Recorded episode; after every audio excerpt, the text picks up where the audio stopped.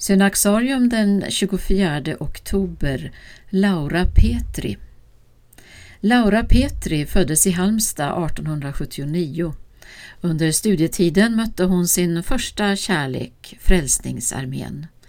Hon skrev När jag våren 1898 fick min vita mössa visste jag vad jag skulle bli, frälsningsofficer. År 1902 blev hon kadett på Frälsningsarméns officersskola. Efter en tid kom hon till ett hem för prostituerade på Grev Turegatan i Stockholm och ägnade elva år av sitt liv som så kallad slumsyster.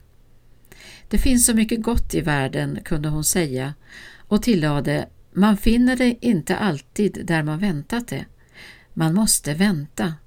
Helt plötsligt finner man det goda mitt i ondskan. Kanske är det mörkret som gör att man ser ljuset.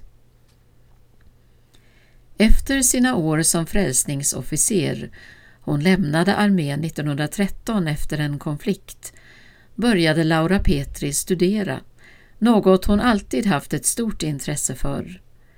Religionshistoria blev hennes huvudämne och hon disputerade 1925 på en avhandling om Catherine Booth och salvationismen. Dessförinnan hade hon skrivit en religionsvetenskaplig avhandling om Frälsningsarmén men den uppfattades för personlig och blev därför inte godkänd. Hennes hem var ett enda stort bibliotek med böcker från golv till tak och hon kom nu att framför allt ägna sig åt sitt författarskap. Bland annat skrev hon en bok om metodismens grundare John Wesley, vars helgelseförkunnelse hon uppskattade.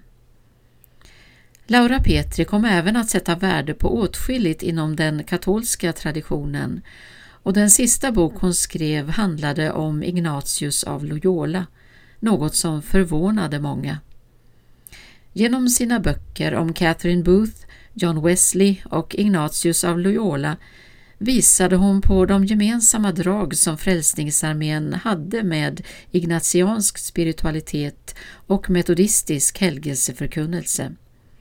Loyola, Wesley och Booth var alla Jesu soldater, drivna av samma förtärande eld att rädda själar. Laura Petri var även en uppskattad talare med förmåga att fånga sina åhörare och hon anlitades att hålla morgonandakter i radio. I en av sina andakter talade hon om heligt mod. Heligt mod är fruktan som bett sin morgonbön. Heligt mod är mod att lida, mod att vänta, tålamod. Heligt mod är också mod att våga tro Guds löften.